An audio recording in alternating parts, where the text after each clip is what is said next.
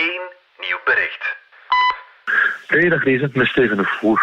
Uh, ik dacht, ik bel eens eventjes, want ik weet niet of dat jij Blond al hebt gezien op, uh, op Netflix. Maar in ieder geval, van, het is ongelooflijk hoeveel dat van ons te doen is. Uh, echt all over the place, met, met reacties erop en zo. Is dat misschien een goed idee dat ik daar eens over kon praten? even dan met Brit samen, zie maar, hè. Dag. Ik ben Lise Bonduel en van de Standaard is dit Radar. Je wekelijkse cultuurpodcast. Radar. Radar. Radar.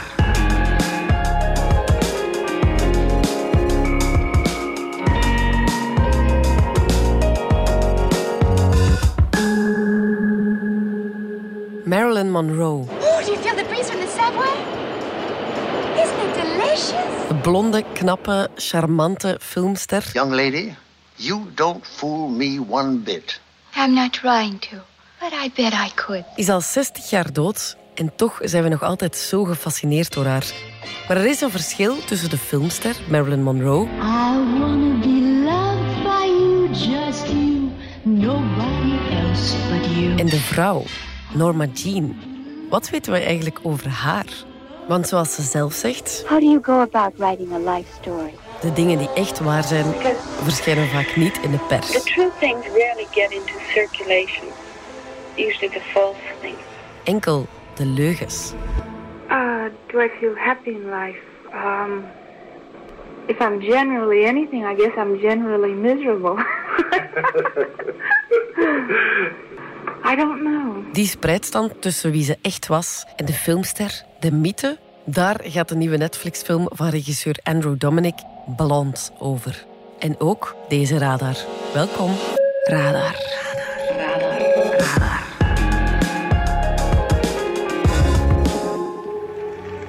Wat je hier hoort is een stukje uit de 14 minuten lang durende staande ovatie tijdens de wereldpremière in Venetië van de film Blond. Vooral voor de presentatie van hoofdrolspeelster Anna de Armas. It was magical. It was beautiful. Het is een heel beklijvende film. Twee uur en 45 minuten lang zie je eigenlijk hoe Marilyn Monroe altijd maar dieper en dieper wegzakt in de rol Marilyn Monroe. die ze voor de buitenwereld moet spelen. Marilyn Monroe.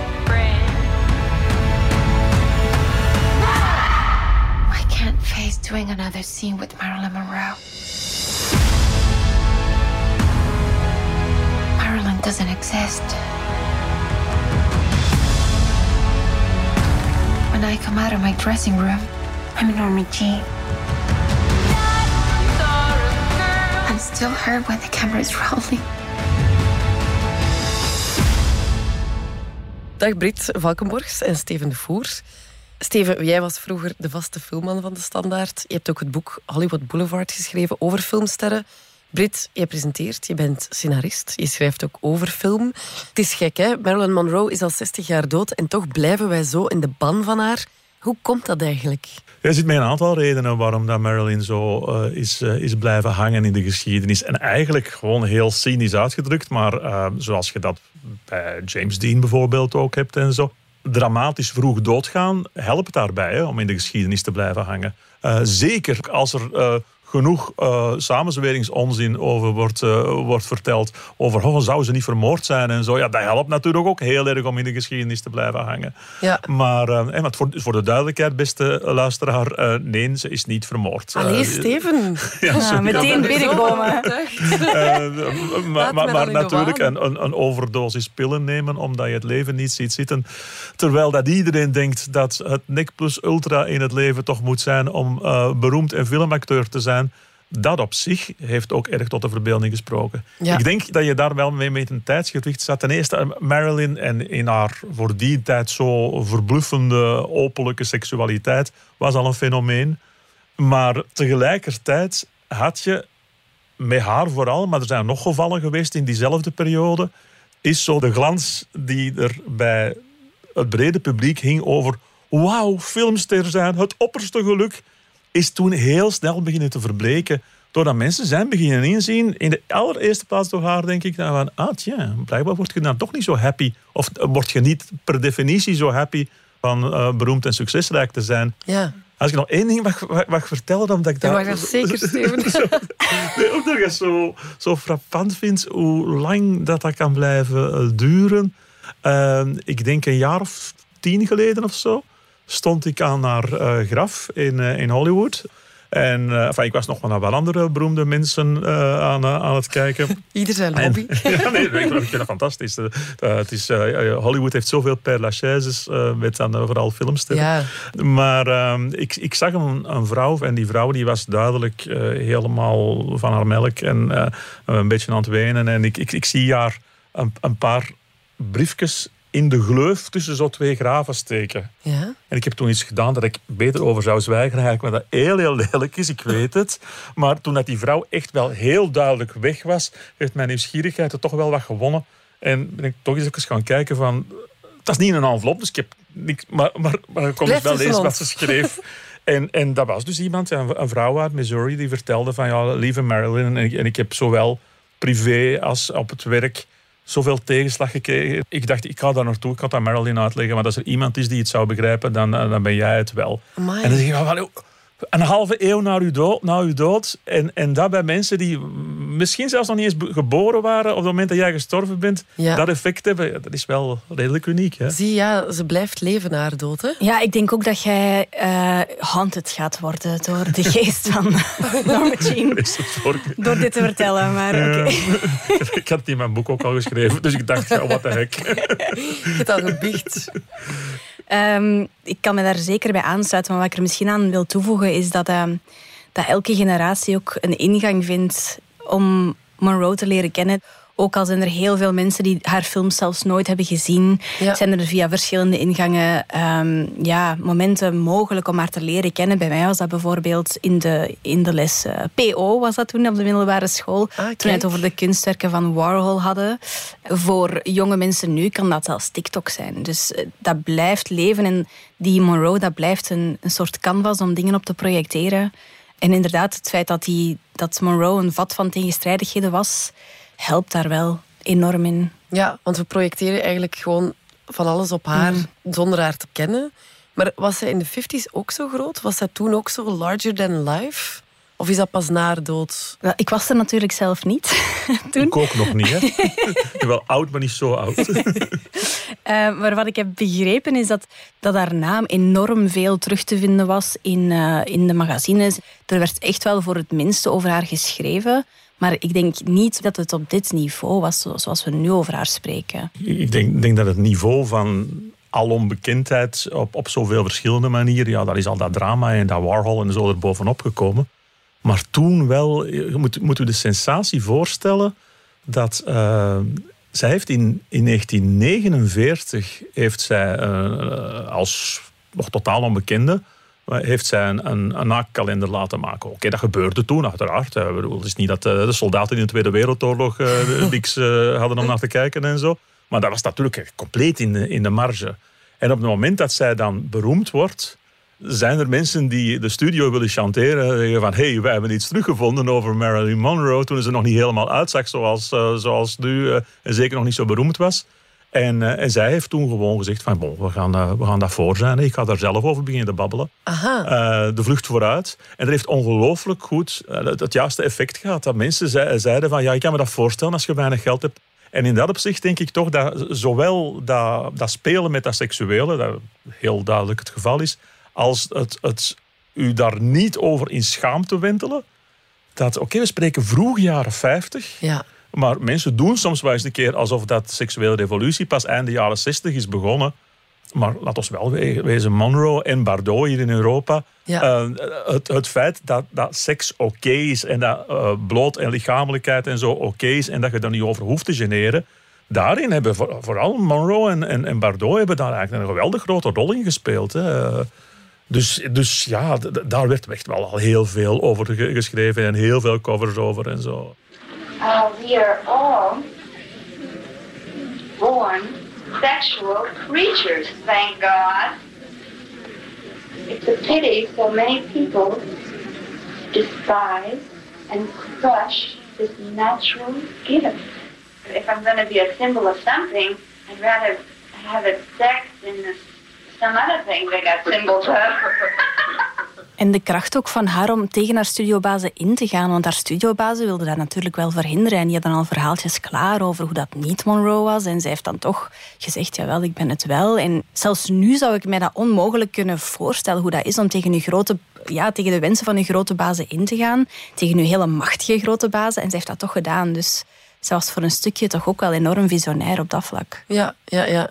Maar eigenlijk achter die façade van Marilyn Monroe schuilt Norma Jean. We proberen vandaag nog altijd te achterhalen wie zij eigenlijk was, echt was. Maar we geraken niet voorbij haar personage. Daar gaat Candle in the Wind, een van de grootste hits van Elton John, ook over. Goodbye, Norma Jean. No, I never knew you at all. You had the grace to hold yourself, but those out of the woodwork, and they whispered into your brain. They set you on the treadmill, and they made you change your name. They Made You Change Your Name van Norma Jean naar Marilyn Monroe. Ik heb er wel altijd een beetje mijn bedenkingen bij gehad, omdat het ook weer een schepje erbovenop deed op de, het verhaal van Marilyn Monroe, eh, die op de tredmolen is gezet door anderen die haar probeerden uit te buiten. Wat natuurlijk in de heel sterk mannelijke filmwereld van toen voor een stuk wel het geval eh, was. Ja. Maar laat ons er geen willow slag over van maken. Hè? Want eh, Norma Jean Baker, toen ze Marilyn Monroe werd, wist verdomd goed wat ze wilde. En wist heel erg goed hoe ze vooral haar seksualiteit eh, moest, moest uitspelen. Dus dat idee van een, een, willoze speelbal, nee, het, het, het, was, het was wel iemand die, die er echt voor ging. Het enige probleem is, denk ik, eh, en, en dat is voor mij het, het, het, het verhaal echt achter Marilyn Monroe, is dat eh, op het moment dat ze dan de beroemdheid bereikte en het succes bereikte, dat het daar geweldig is beginnen irriteren. Dat het heel duidelijk gewoon over haar borsten en haar billen ging. En, en heel weinig over, over haar talent. En het gevoel van, zowel door het brede publiek als zelfs gewoon op de set, het gegrinnik achter uw rug, de, de opmerkingen. Het, het gevoel van als eh, sexy jonge vrouw niet voor iets meer au serieus genomen te worden. Dat is volgens mij hetgeen dat haar naar de pillen heeft doen grijpen en zo en depressief heeft gemaakt. Ja. Nu, wat ik ironisch vond, was dat dus Blond, de film, doet dan een poging om ja, achter haar masker te kruipen en te focussen op Norma Jean. Dus dan dacht ik, ik ben aan het kijken naar een biografie, maar het is wel een fictieve film. Klopt, ja. Het is gebaseerd op het boek Blonde van Joyce Carol Oates. Als ik me niet vergis, heeft de schrijfster zich gebaseerd op eh, dus de feiten over Monroe en heeft dat dan ingevuld met hoe, hoe zou zij het beleefd hebben. En dat is Ja. natuurlijk compleet fictief. En hoe moeten wij dan als kijker die film interpreteren? Ik weet niet hoe ik daar nu helemaal mee aan moet. Enerzijds vind ik het onnozel. Van, eh, en er zijn nogal wat negatieve kritieken waar mensen stukken uit deze film ha- aanhalen en zeggen van, want dat klopt zelfs helemaal niet. Eh, Van, ja, eh, dat heet een genre en het is niet de bedoeling, het staat buiten romanisch, dus dat hoeft niet te, te kloppen. Maar anderzijds heb ik wel een beetje, als je voor een zo groot percentage dicht bij de werkelijkheid zit, dat, dat is echt wel zo. Laat ons zeggen dat eh 80, 85 procent van wat je te zien krijgt wel, wel klopt Ja, in toch? zijn basisfeiten. Dat- sommige dingen, bijvoorbeeld, er zit- komt een bedscène met, met de president in. Waar we, we weten wel dat ze met de president in bed heeft gelegen, Ja. maar vond ze nogal grof en, en allicht niet al te realistisch. Het is een brute maar, scène, Maar, hè? maar als, je, als je 85% de waarheid vertelt, Ja, waarom dan komt je met die 15 andere procent gaan mensen denken dat dat ook de waarheid is. Ja. Ik zeg niet dat dat verboden is, maar ik vind het wel ongelukkig omdat heel veel mensen gaan over Marilyn misschien alleen maar deze film zien en dus met een, Ja. met een toch wel voor een deel een serieuze Ja. historische misvatting Dat zou over ik ontzettend jammer vinden. En ook in de marketing rond de film spelen ze het wel enorm uit. En ik zou bijna durven zeggen dat ze het als een biopic maar in de markt zetten. Ja. Ook al staat het niet zo in het begin van de film. Als je de regisseur hoort spreken, als je de hoofdactrice hoort spreken, dan doen ze allemaal alsof het een biopic is. Ja. Anna de Armas zei van, oh, ik ben aan het graf van Monroe toestemming gaan vragen. Bla bla. Dus alleen snap je? Maar allemaal naar dat het is graf van echt- Marilyn Monroe. Dat is- is Dat is de rode druk. draad van deze podcast, denk ik. Please come. Please. She's coming. Please come. She's coming. She's almost here.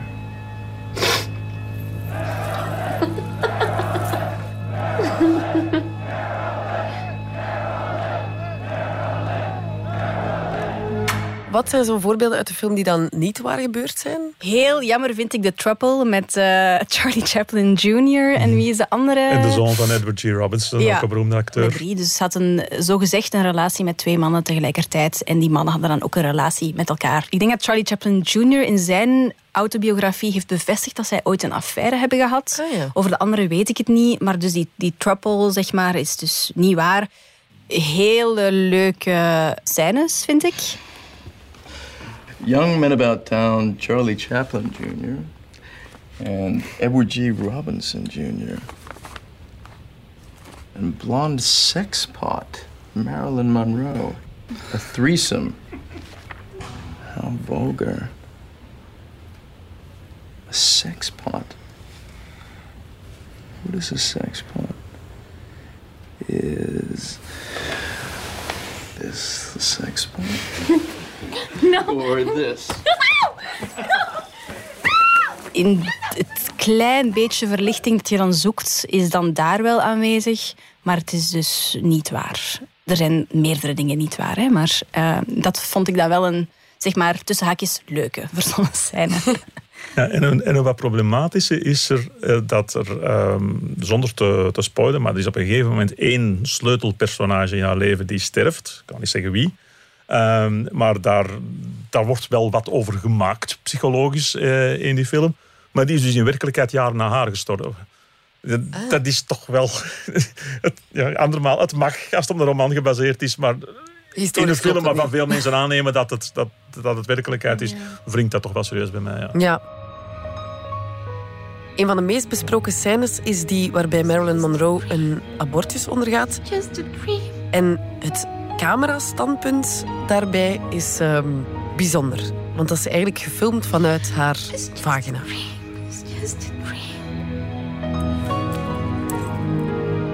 En dan zijn er ook nog andere scènes waarin ze dan met haar dode zeg maar, baby's babbelt. Ehm, ja. Hoe het in de film is geportretteerd, ik vind dat echt, een sorry dat ik het zo zeg, om van te kotsen. ik vind dat verschrikkelijk. Ik vind dat een van de, van de ergste dingen aan de film. Het ook echt niet gemoeten, vind ik. De empathie is ver te zoeken. Just a crazy dream.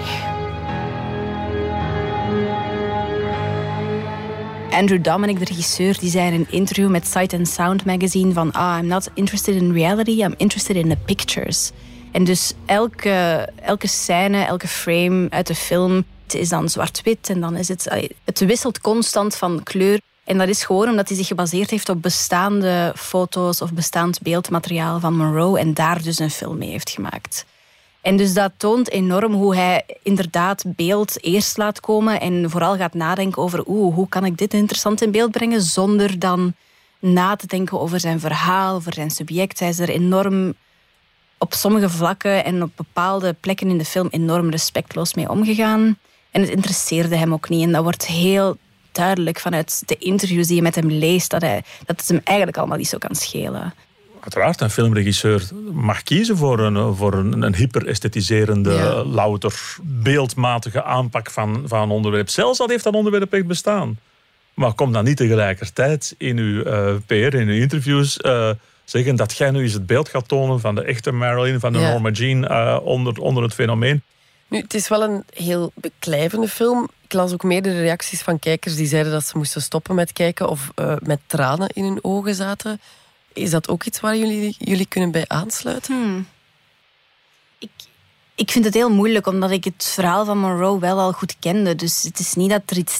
Zoals ik zei, er is mij niks nieuw bijgebracht. Dus, maar natuurlijk, als je haar verhaal niet kent, dan begrijp ik het wel. Ja, het is niet leuk om te zien hoe hard haar leven was. En ook, ja, sommige scènes... Hij schuwt niet weg van bepaalde dingen. En sommige dingen zijn dan weer verzonnen en die wa- waren niet nodig. Maar de, Allee, het wordt allemaal op een hoop gesmeten. En als je dan niks voelt, dan zou ik het ook wel straf vinden. Dus ja, ik snap dat wel.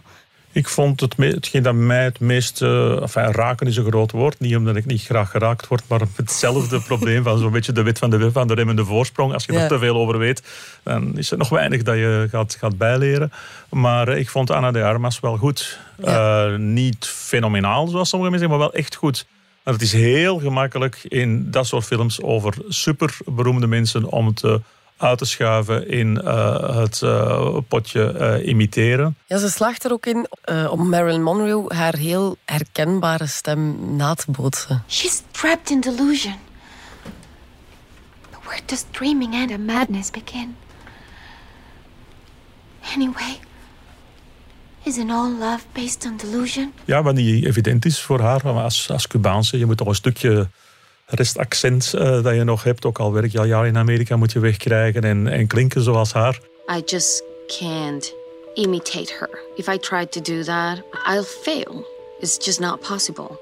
So the only way that I have to play this part is just to connect with her, to understand her. Als je er wilt in verdiepen in het, uh, zowel het innerlijke als het uiterlijk ja. van een personage. Ja, natuurlijk wel als actrice het voordeel bij Marilyn Monroe dat er wel heel veel basismateriaal is om op, ja. te, op te gaan studeren. Zowel, zowel de film zelf als al die boeken en verklaringen. En... A kiss on the hand may be quite continental, but diamonds are a girl's best friend. We only had two days to learn the choreography. You see how she moves her, her face and her mouth? It's just so specific. At my laptop, I had another computer with the performance, her Marilyn doing the scene, and I had a mirror. I was just kind of like matching the singing with her mouth and her facial performance. Square cut or pear shape, these rocks don't lose their shape. Square diamonds are a girl's best friend. Het is eigenlijk nauwelijks iemand die professioneel met film bezig is, die nog nooit zijn theorie over Marilyn Monroe heeft verkondigd. Dus, uh. maar de vraag blijft natuurlijk wel, wie was ze dan echt? How do you know my name? Dat gaan we misschien nooit weten. You won't know yet. I wanna be loved by you, just you, nobody else but you. Brit en Steven, dank jullie wel. Dank jou. En ik heb hier nog een extra cultuurtip voor jou. Radar. De tip komt deze week van... Peter van Tichem, senior writer bij De Standaard. Wat is jouw tip? Björk heeft een nieuw album uit en dat heet Fossora. En dat betekent zij die zoekt. En waarom? Björk heeft die ingenieuze versmelting van uh, poëtische stem en koorzang en klarinetten en strijkers en elektronica heel mooi uitgewerkt daar in IJsland, waar ze tegenwoordig weer woont.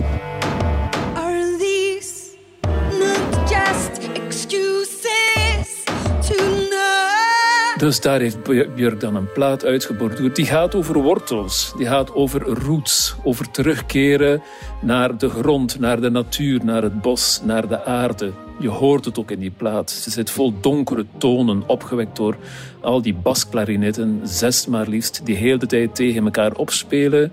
En dan die donkere elektronica daaronder. En daarboven creëert Björk dan een, een wereld, een wonderlijke wereld van stemmetjes en klanken. Ze heeft veel met stemmen geëxperimenteerd. Je moet er gewoon voor gaan zitten. Je moet geduld hebben. Je moet twee, drie keer die plaat opzetten. Binnentreden in dat universum van deze zangeres. Die je meeneemt naar een andere plek. En dat is nog altijd het kenmerk van goede muziek. Bedankt voor jouw bijdrage. Thanks for the tip. Radar. Radar. Voilà, ik hoop dat je ervan genoten hebt. Dit was Radar, de wekelijkse cultuurpodcast van de Standaard. Alle credits vind je op standaard.be-podcast. Extra audio uit de Netflix-reeks The Mystery of Marilyn Monroe, The Unheard Tapes. Blonde, de nieuwe Netflix-film over Marilyn Monroe. En uit haar rijke filmarchief. Merci om te luisteren en uh, tot volgende week.